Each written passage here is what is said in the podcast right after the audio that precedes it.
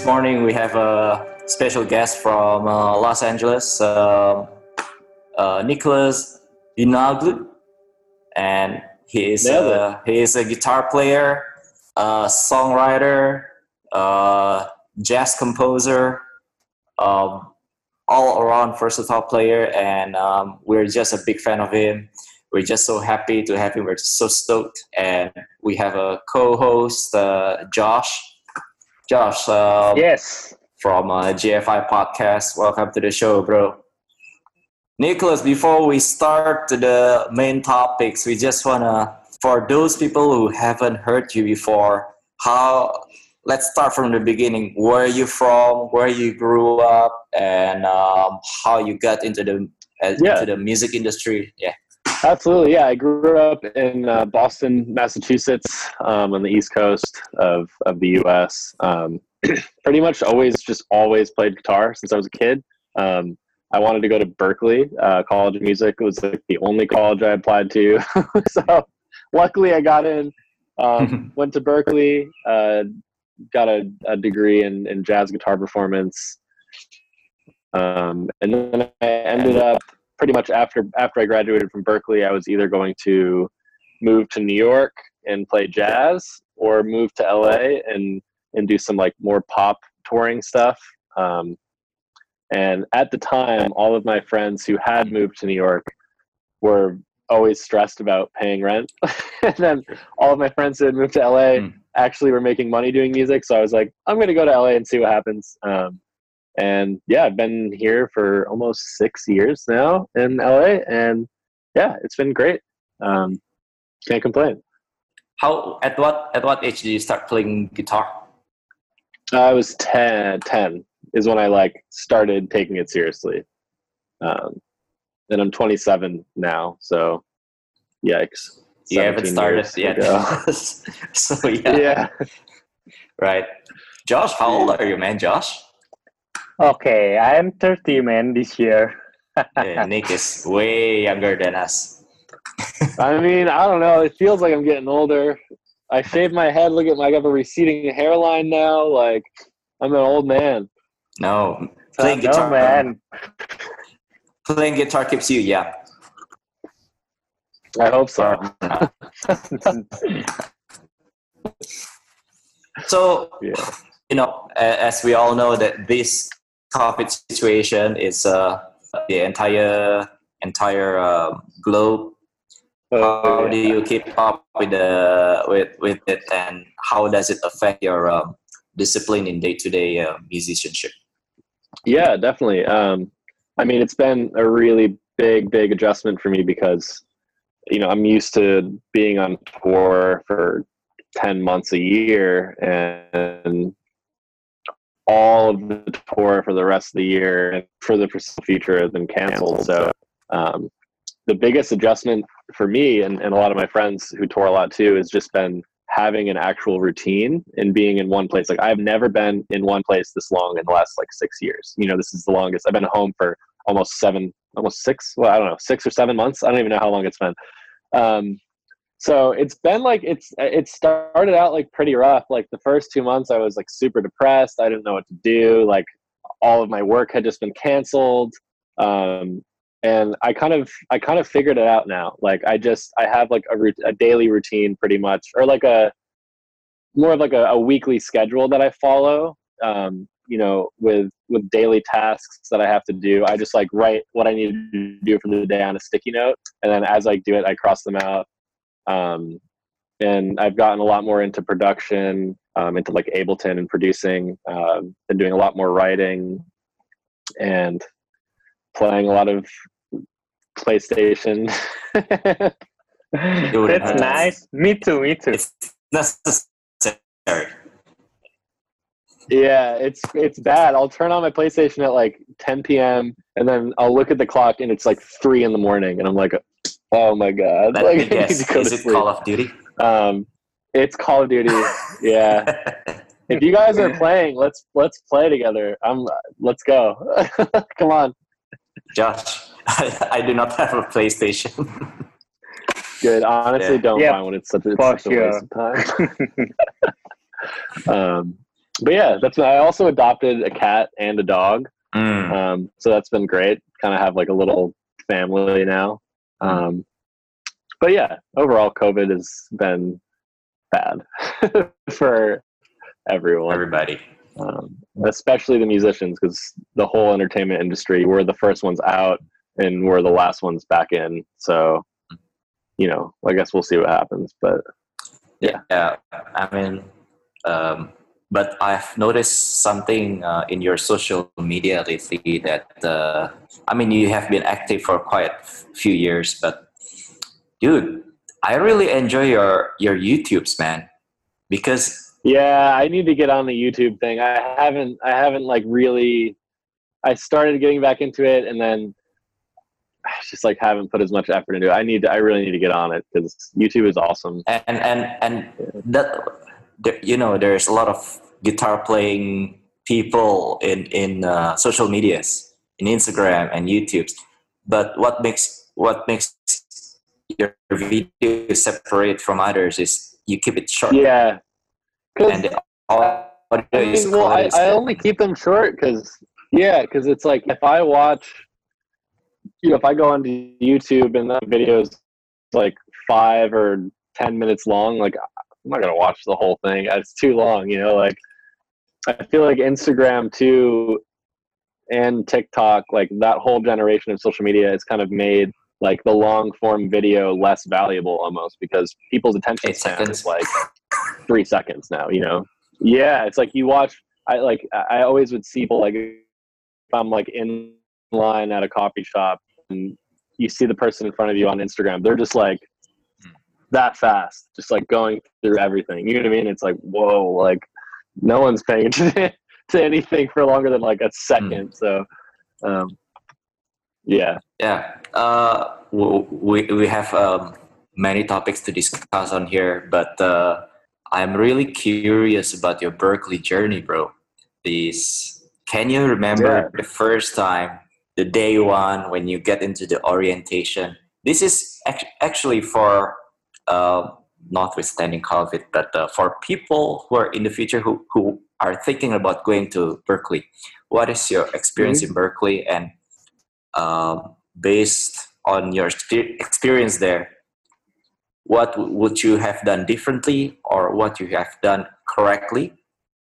And any preparations that, uh, any tips and tricks maybe that you, you yeah, would yeah, like to yeah, absolutely. Yeah, so I think the the biggest thing with Berklee is like you don't necessarily go there purely for the education, like because you can get the same music education anywhere. Like you can get the same music, basically you get the same theory and harmony training online. You know, it's not necessarily about um, the core curriculum being better than a different schools. It's really like the community and the connections that you make at Berklee. It's basically like, you know, in every class in any given semester, there's like somebody who is going to be like huge or do something brilliant or make like a hit record or some, you know, something like that. And then, so number one, I'd say the community is just incredible. So like the most, you know, be the most proactive.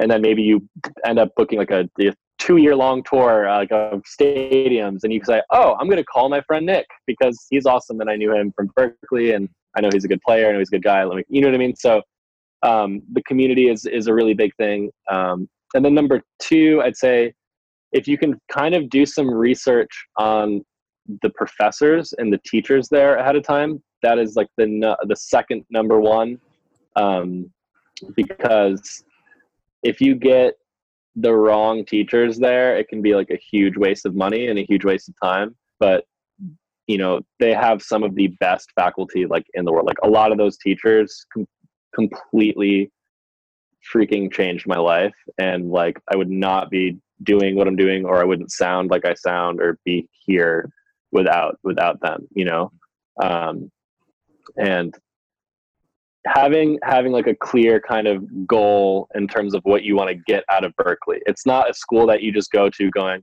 uh, kind of want to just do music, maybe something. It's like as long as you have a clear vision of what you want to get out of it, I think that's that's the best time. Like if you're unsure of if you want to do uh, writing or whatever, that's fine. If you're not hundred percent like I'm going to be a songwriter. Like when I went to Berklee my first semester, I went in as a classical composition major. I was only playing classical guitar, and my major was classical composition, and I wanted to be a conductor for like the Boston Symphony Orchestra. That was like my dream when I got there. Wow. Um, yeah, so it's like that obviously changed. But, um, it's still a dream. I still want to do that at some point. But you know, it, it's really kind of just like as long as you know as long as you go in having a goal, you know, maybe you get led somewhere else. But I think it's important to go there with like an objective. Because if you just go in blindly, you kind of just end up coming out the other side and being like, uh, I went to Berklee. I don't know what I did, but there I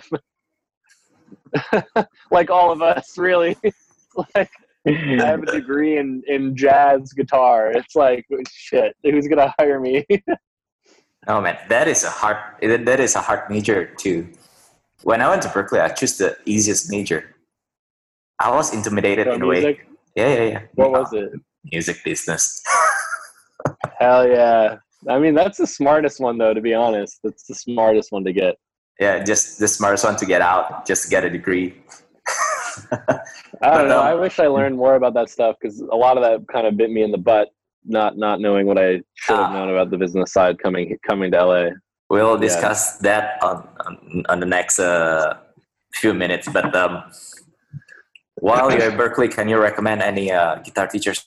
Tell us about the mentors oh, yeah. that you met there. Yeah. Um, if you go and if you don't take from Tim Miller, then you're messing up. Tim Miller is like the only teacher in my mind. He's absolutely amazing. Um, so Tim Miller, number one. Um, Cheryl Bailey is also incredible. She's like a bebop teacher. She's crazy, crazy good. Um, Mick Goodrick. Um, oh yeah, I remember him. If, if he's still alive by then, he's so old. um, that's that's dark. I didn't mean like that, but yeah, uh, Mick Goodrick is amazing. Um, really, really, really out guy. Like he is totally weird, but really brilliant. Um, who else? Uh, there's a guy, Jack Pezzanelli, who is mm. basically like Ted Greene. He does all these crazy, crazy chord melodies, and his sense of harmony is just like insane. Um, and then another teacher who I always like, I would say, who literally like shaped me as a musician. Um, her name, she was actually an ear training teacher. Um, her name was Yumiko Matsuoka. Hmm. Just like the most brilliant mind in music ever. Just mm. crazy, crazy wow. good. Can um, you can you yeah. tell us about the, your routine while you're at Berklee? Um, uh, oh what, yeah, like yeah, like a like a normal day. Normal day, like how much you do songwriting, or do you practice twelve hours a day? How does it work for you? Yeah, um, I didn't have much of a social life at berklee I was like very, I didn't go to parties or anything, so I was like always kind of practicing in my room. Um, you know, most of I would say maybe 50% of the classes that I had, I was actually holding playing the guitar. Um, and the other half was like harmony or ear training or, you know, something where I'm more of like a pencil and paper kind of thing. Um, and yeah, so I'd say you probably end up playing at least four hours a day in class and then you know four four hours doing homework or something. So you get you get a lot of play time in. Yeah. As a as a Berklee alumni is, is there any you know every experience every uh, berklee alumni experience are different right is there any yeah. message that you want to you know tell to Berklee? is there any particular um, they might be better at or something that or that they're really good at? Um, I don't know. I mean, I, I guess the only thing is um, since they my last semester they were starting to build this new big building, hmm. um, and I've heard you know a lot of my friends who are there now or, or who have been since they built this brand new building. Um, I think the quality of education has declined a little bit because they're allowing more students to enroll. Mm. Um, so I think they're kind of hiring some new professors who aren't really that amazing, and kind of like accepting whoever now. It used to be like really hard to get in, and I think it's a lot easier to get accepted now. Um, so that's the only that's the only thing I would like be on my toes about. But I guess that goes back to kind of doing your homework on picking the right professors and um, you know Definitely. And what is the story about the donut? Is that from Oh. Dunkin' Donuts? Yeah. So long, long story short, basically, um, when I was in high school, I was failing math. I was failing math class, and my teacher, uh, Miss Dundas, she wouldn't give me extra credit. She was like, Oh. "You're going to fail the class." So what I did is every single day I bought her a dozen donuts and brought them to her at lunchtime. Um, and I would give them to her in front of all the other teachers. And, you know, I was spending my own money on it and no one, I don't have any money in high school. So she, I was basically guilting her into letting me do extra credit. And I would put a dozen donuts on her desk. And then all the other teachers would eat the donuts and be like, oh, let him do extra credit. Like, come on. So I ended up passing class because I gave Miss Dundas donuts. Um, Very sleek. and Diplomacy. yeah, and so I kind of like noticed like, wow, like bringing people donuts like makes things work out in my favor more sometimes. So um, I just started bringing donuts. Like I bring donuts everywhere I go now, like to to a, a hang, or I'll bring them to like a I don't know, just anywhere to rehearsal, to a show, um, because no one's upset if you're getting a donut. You're probably having a good time, you know. My next question is how do you keep how do you keep in shape eating all the donuts? Honestly, I have no idea. Like I, I'm, I've just been blessed with my dad's like figure, very skinny. Like I eat trash. I eat burgers. I eat from In and Out. I eat like fast food. I eat donuts and dessert like all the time. And like I, Yeah. I don't know. I just don't gain weight. uh, It nice. just doesn't happen. My heart is. I'll probably die of a heart attack in like five years. but you know, like who knows? It's oh man. yeah. Nick, so you, uh, we watched the uh, Seymour Duncan um, uh, Instagram story that you did uh, a few days ago, Yeah, yeah. and you mentioned that you had your high school band. Uh, all of the members go to Berklee. So yeah, yeah. Uh, do you guys play a lot at Berklee, and what's the story there? Yeah, so we met. Um, yeah, so I, I met all the all my friends. Well, I guess it's all my friends from high school. We ended up making a band in high school and playing around my town, and then um, we all ended up going to Berklee together, um, which was cool. And we continued doing the band at Berklee. Like we would we would play shows around Boston and, and around the East Coast, um, and we would play some stuff with you know like affiliated with Berklee. Um, but yeah, after I graduated, I just was like, I need to get to LA, so I kind of just left the band. Um, but yeah, similar story.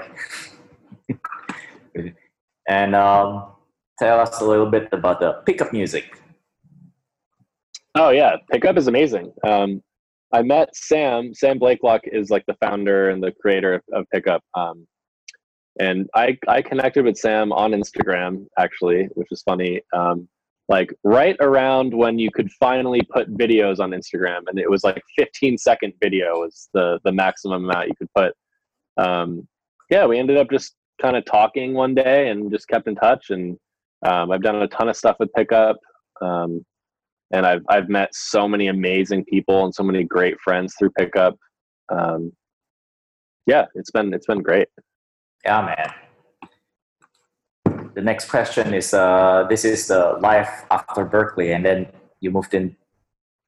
You moved to uh, Los Angeles about six years, something like that. And uh, Yeah. did you have the uh, audition with uh, Jordan and Betsy in Los Angeles? And what's the story there? Yeah, so it was actually really crazy how that happened. I basically ended up moving, like, I decided to move to LA. Um, I bought a car. I drove to LA from Boston with my Wow. with my best friend uh, Jakob. Uh, my friend Jakob and I drove across country. Um, we didn't have a place to live. We didn't know anyone out here. Um, we kind of just found a place like on Craigslist and a, a, an apartment, and luckily that worked out. Um, and then I think it was like a month, a month or two after being here, um, one of my friends from Berklee recommended me for an audition. Um, Mm. and I thought it Mm. was just like a small, like, I thought it was going to be like a, a little club, like acoustic guitar, me and the singer. asking. So, um, is the mindset of having to play as close to the record as possible? Is that is that the aim for for? Uh, But yeah, I mean that's like the that's the, the way to be safe with it because yeah, most of the time pop is it should sound like the rap, you know, unless the MD says otherwise. Um, so yeah, I always try to try to make it sound like like the record. Um, yeah, man. Tell us a bit about the being on tour. Um, how how do you keep your routine? What would you prepare on tour for for a long term? For let's say six months tour. Yeah. Yeah. Um, the biggest thing with tour is just like as long as you are being as healthy as you can, um, that's the most important thing. Like try to get sleep, drink a lot of water, and try to eat well, try to exercise. Um, because your physical health is so important on tour. Because if you get sick and you're on a tour bus, it's just the worst. It's the most miserable thing ever. So, you know, um, and and you kind of got to prepare like yourself emotionally for it because it's definitely like takes a lot out of you because you're always in a new place you're always surrounded by people um, you you don't really realistically get more than five six hours of sleep a night um, and it's you're always kind of you're always on you know? So i'm actually not like i mean we'll have fun for sure but i don't i, I don't really party that much um, because you know if, if you if you party and then you have a show the next day and you just look like poop and you feel bad you get fired. You know what i mean? Like if you don't perform well it's like well you lost the gig because you got drunk last night. So like, And uh, how would you prepare your gears for tours? i don't know. I don't really i don't really go crazy on like the the pr- i don't bring a bunch of backup stuff. I bring like a bunch of guitars. I usually just bring like one guitar one pedal board and that's it. And just pray that it works. It's probably it's probably better ways to prepare but um you know if, if anything goes wrong like you, there's always extra cables or there's there's other ways around it um but yeah i just try to pack as light as i can you know like only essentials i don't try to bring the whole kitchen sink I, with me. I'm sure Josh has a question. Yeah, I saw your uh, lately using the Fender. this is how this this all started. So my girlfriend's dad mailed her this mask, like it just has all these sparkles on it, right? Mhm. And I left this mask on my table right here, and when I woke up in the morning, the sun was hitting it, and it shined. It like all of these little lights, like all over the room, like all these rainbows, and I was like, "This is amazing." And if it was on a guitar, it would be like iconic. So um, I've started on it. This is like 15 hours in of, of work. Um, I've done all the sides. Um, I'm, I'm working my way Oh, out nice. Wow. Yeah, yeah. I'm, Dude, that's dope, man. um, it's taking so long, like, because I have to, I have to use these little tiny tweezers, and I have to glue the spot, and then take the little stone, push Oh, wow. it there, hold it, let it sit, and then repeat it. So it's it just takes ridiculously long. Um, but yeah, that I'm I, just all I have left is this little blue part to fill in. Probably take I like ten more it, hours, dude. but um, that and then the the neck is my favorite part. Oh, I just finished the headstock. Wow. Um, wait, what, there we go. holy Oh wait, let me. Let, I'm going to turn this background off for a second so you can really see it. Um, okay, there we go. So I did like the sides. Can you Mm. see it Ooh. Yep. In the front? And then Oh, I got this like rainbow fretboard It's going on. crazy. It's gonna be absolutely crazy. Um, and I'm trying to get. I'm talking to Fender right now about getting a custom um, pick guard made for the front here, Mm. um, and it will basically be this material, like this kind of luminescent, like Oh, nice. rainbowy, reflective. Um, I'm trying to get a pickup cover with matching. Uh, I'm trying to get a, a pick guard with matching pickup Wow. covers of that material. Um, Nick, I think yeah, I basically you cannot just, wait to party. I just want it to be crazy. yeah, Yeah, exactly. I, it's going to be the Guitar. loudest, like craziest looking guitar ever. Nice, dude. Um, I love it so much. I can't wait for it to be done. Yeah. Anyways. Please, we look forward for the videos on that. Oh yeah, absolutely. So, speaking Uh, about guitars, since this is a GFI podcast, how many podcasts Oh, do you, uh, how many how many guitars do you own right now? Did you lost count? um, it's so bad. Um, I think like 18. Yeah. I should probably sell some. yeah, I have a lot of I have a lot. Um, but I actually I actually I know it sounds crazy, but I actually use almost all of them. I probably use 16 of them. I use 10 main 10 main ones for like recording and stuff and then um, there are times where I bring out the other ones for recordings and stuff. Mm. Um, but I do use pretty much all of them. Mm. What is the the main two, uh, the go to that you use mainly? lately i've been playing um, i've been playing this a lot. I'm not even like a huge gibson guy but i've been playing this on recordings. Like almost exclusively i'm using this for recording lately which is totally crazy because it's kind of not my sound i don't identify with the sound of the sg um, but this has been this has been really good um, and then i mean i do regardless of my feelings for prs this has kind of been like my main um, guitar. It's a hollow body too. Um, yeah, I mean, I've, I've had this guitar for a really long time and it's been on tour with me everywhere. So I absolutely love this guitar. You've been touring in Asia and Australia, probably other parts of the world. Any favorite Yeah. for you?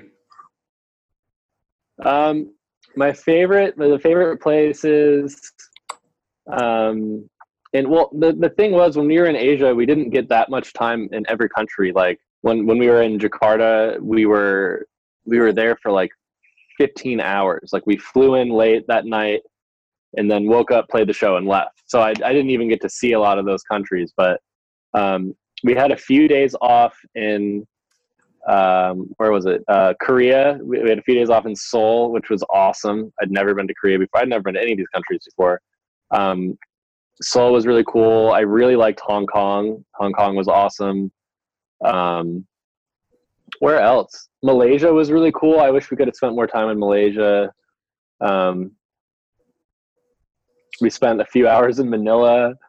Um, I definitely want to go back. Like, I want to go back to, to Southeast Asia without being on tour, so I can actually just explore and Next eat year, the next food year. and you know, yeah, like We'll take you around. because yeah, hundred percent. I just want to like stay like in the middle of the city and play music and hang out and yeah. Yeah, man, definitely. Yeah, you should go to Bali. I know. I actually have a few friends in, in Bali, so it would be it would be really Oh, easy really? to do. It just Wow, nice. yeah, just COVID has just like really ruined all travel plans. So As soon as maybe a few months or next year, hopefully. yeah, hopefully soon. Screw COVID. Yeah, for real. Before we move to the uh, music business question, Josh, do you have any more guitar related questions maybe? Because Josh Oh, is nice. a producer, so Yeah, I'm playing guitars too, and we met I think uh, at NAMM this year before the COVID hit us like so badly. Yeah. glad glad that we met at NAMM, and hopefully I, I don't know maybe maybe this year is no no the summer NAMM is cancelled. I I don't have. I'm pretty I sure have no Winter NAMM is canceled too. Yeah, I've I've I've heard. Don't quote me on this, and don't I? did- I didn't say this, but I heard that uh, Winter NAMM is canceled too. So I think it's predicted because the number is still high, right? It's so bad, yeah. Especially in in California, it's just it's just it's just so bad. Nick, when it comes to music business, uh, let's say as a as a guitar player or as a songwriter, yeah. what do you look out for? The most important thing in music business. What what do you look out for? What would you have done better when you get started when you move to LA? Right. Um, I guess the most important thing is just knowing when to say yes and when to say no. Because um, a lot of people can, like, when I got here, I almost was like over eager, like, someone's like, "Oh, can you do this gig?" Yes, yes, yes. Oh, it's for free. Oh, okay, yeah, it's fine. I guess I'm playing free gigs now. You know what I mean? So kind of kind of having a bearing on putting a you know really knowing what your value is and what your worth is and if you're getting underpaid or if you're not being treated professionally having the the presence of mind to go oh this isn't this isn't for me sorry no like i you know kind of setting a standard for yourself almost um, and then always always always get everything in writing it doesn't matter if if me and you or me and my best friend are doing something together it doesn't hurt to just have it in writing. So if something happens to the song or the project, you know, like if, if me and you write a song and it's just like, oh, whatever, I just put it out under my name or something. And then that song gets a billion streams and I'm making millions of dollars off of it. Mm. All of a sudden, you're going to be like, oh, great, we wrote that song together. Like, let's split it 50 50. And I can be like, oh, yeah, I'll give you like 5% of the song. And it's like, wait a minute, I, I wrote that, you know, so just I always get everything in writing because it's it's just a weird business and it's very ambiguous in terms of like sure. who owns what, you know, within electrical material. So yeah, just get everything in writing all the time.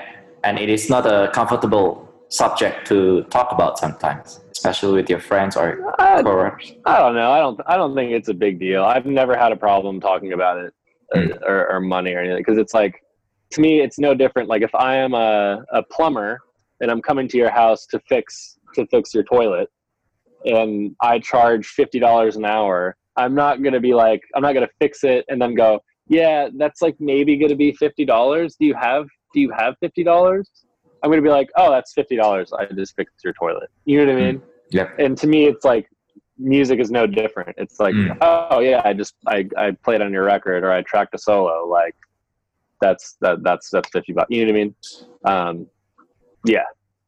And at which point uh, when when it comes to management do you have a insights? When do you get a manager or agents something along those lines? Yeah I, I try to do as much as you can on your own because you know in terms of like booking gigs and stuff do that all on your own. In terms of like songwriting and publishing it's not a bad idea to, to have management because um, they can kind of pitch the songs for you and they can handle all the back end and all the work and stuff that all the like the the lawyer law lingo that I don't understand, you know, they can look over things and be like, "Oh, this is bad. Don't do this." They'll be like, "This is good. Do this." You know.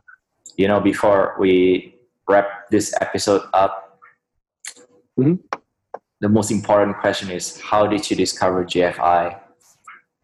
Yeah, absolutely. So the there was I don't remember what month it was. I think it was it was just shortly before NAMM maybe. Um, it kind of just started appearing everywhere. Like every time I opened Instagram, like all of my favorite players were using it, and any and like any of my favorite players who I'm like listening to, I'm like, what are you using for that like wah sound, or what are you using for the the reverb or the trem? And they're like, oh, I'm just using this like GFI synesthesia or something. It was like synesthesia everywhere. And I was like, what the heck is going on? Like, what is this pedal? Where did it come from?